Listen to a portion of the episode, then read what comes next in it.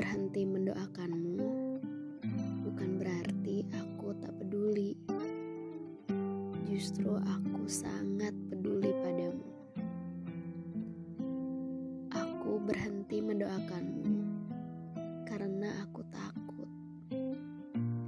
Aku takut doaku menjadi bumerang untuk diriku sendiri. Aku memasrahkan semua ketetapan padanya. Dia tahu yang terbaik. Dia maha segalanya. Semoga dicukupkan dengan yang baik. Semoga Allah melembutkan hati orang-orang di sekitar kita. Semoga diberikan kesabaran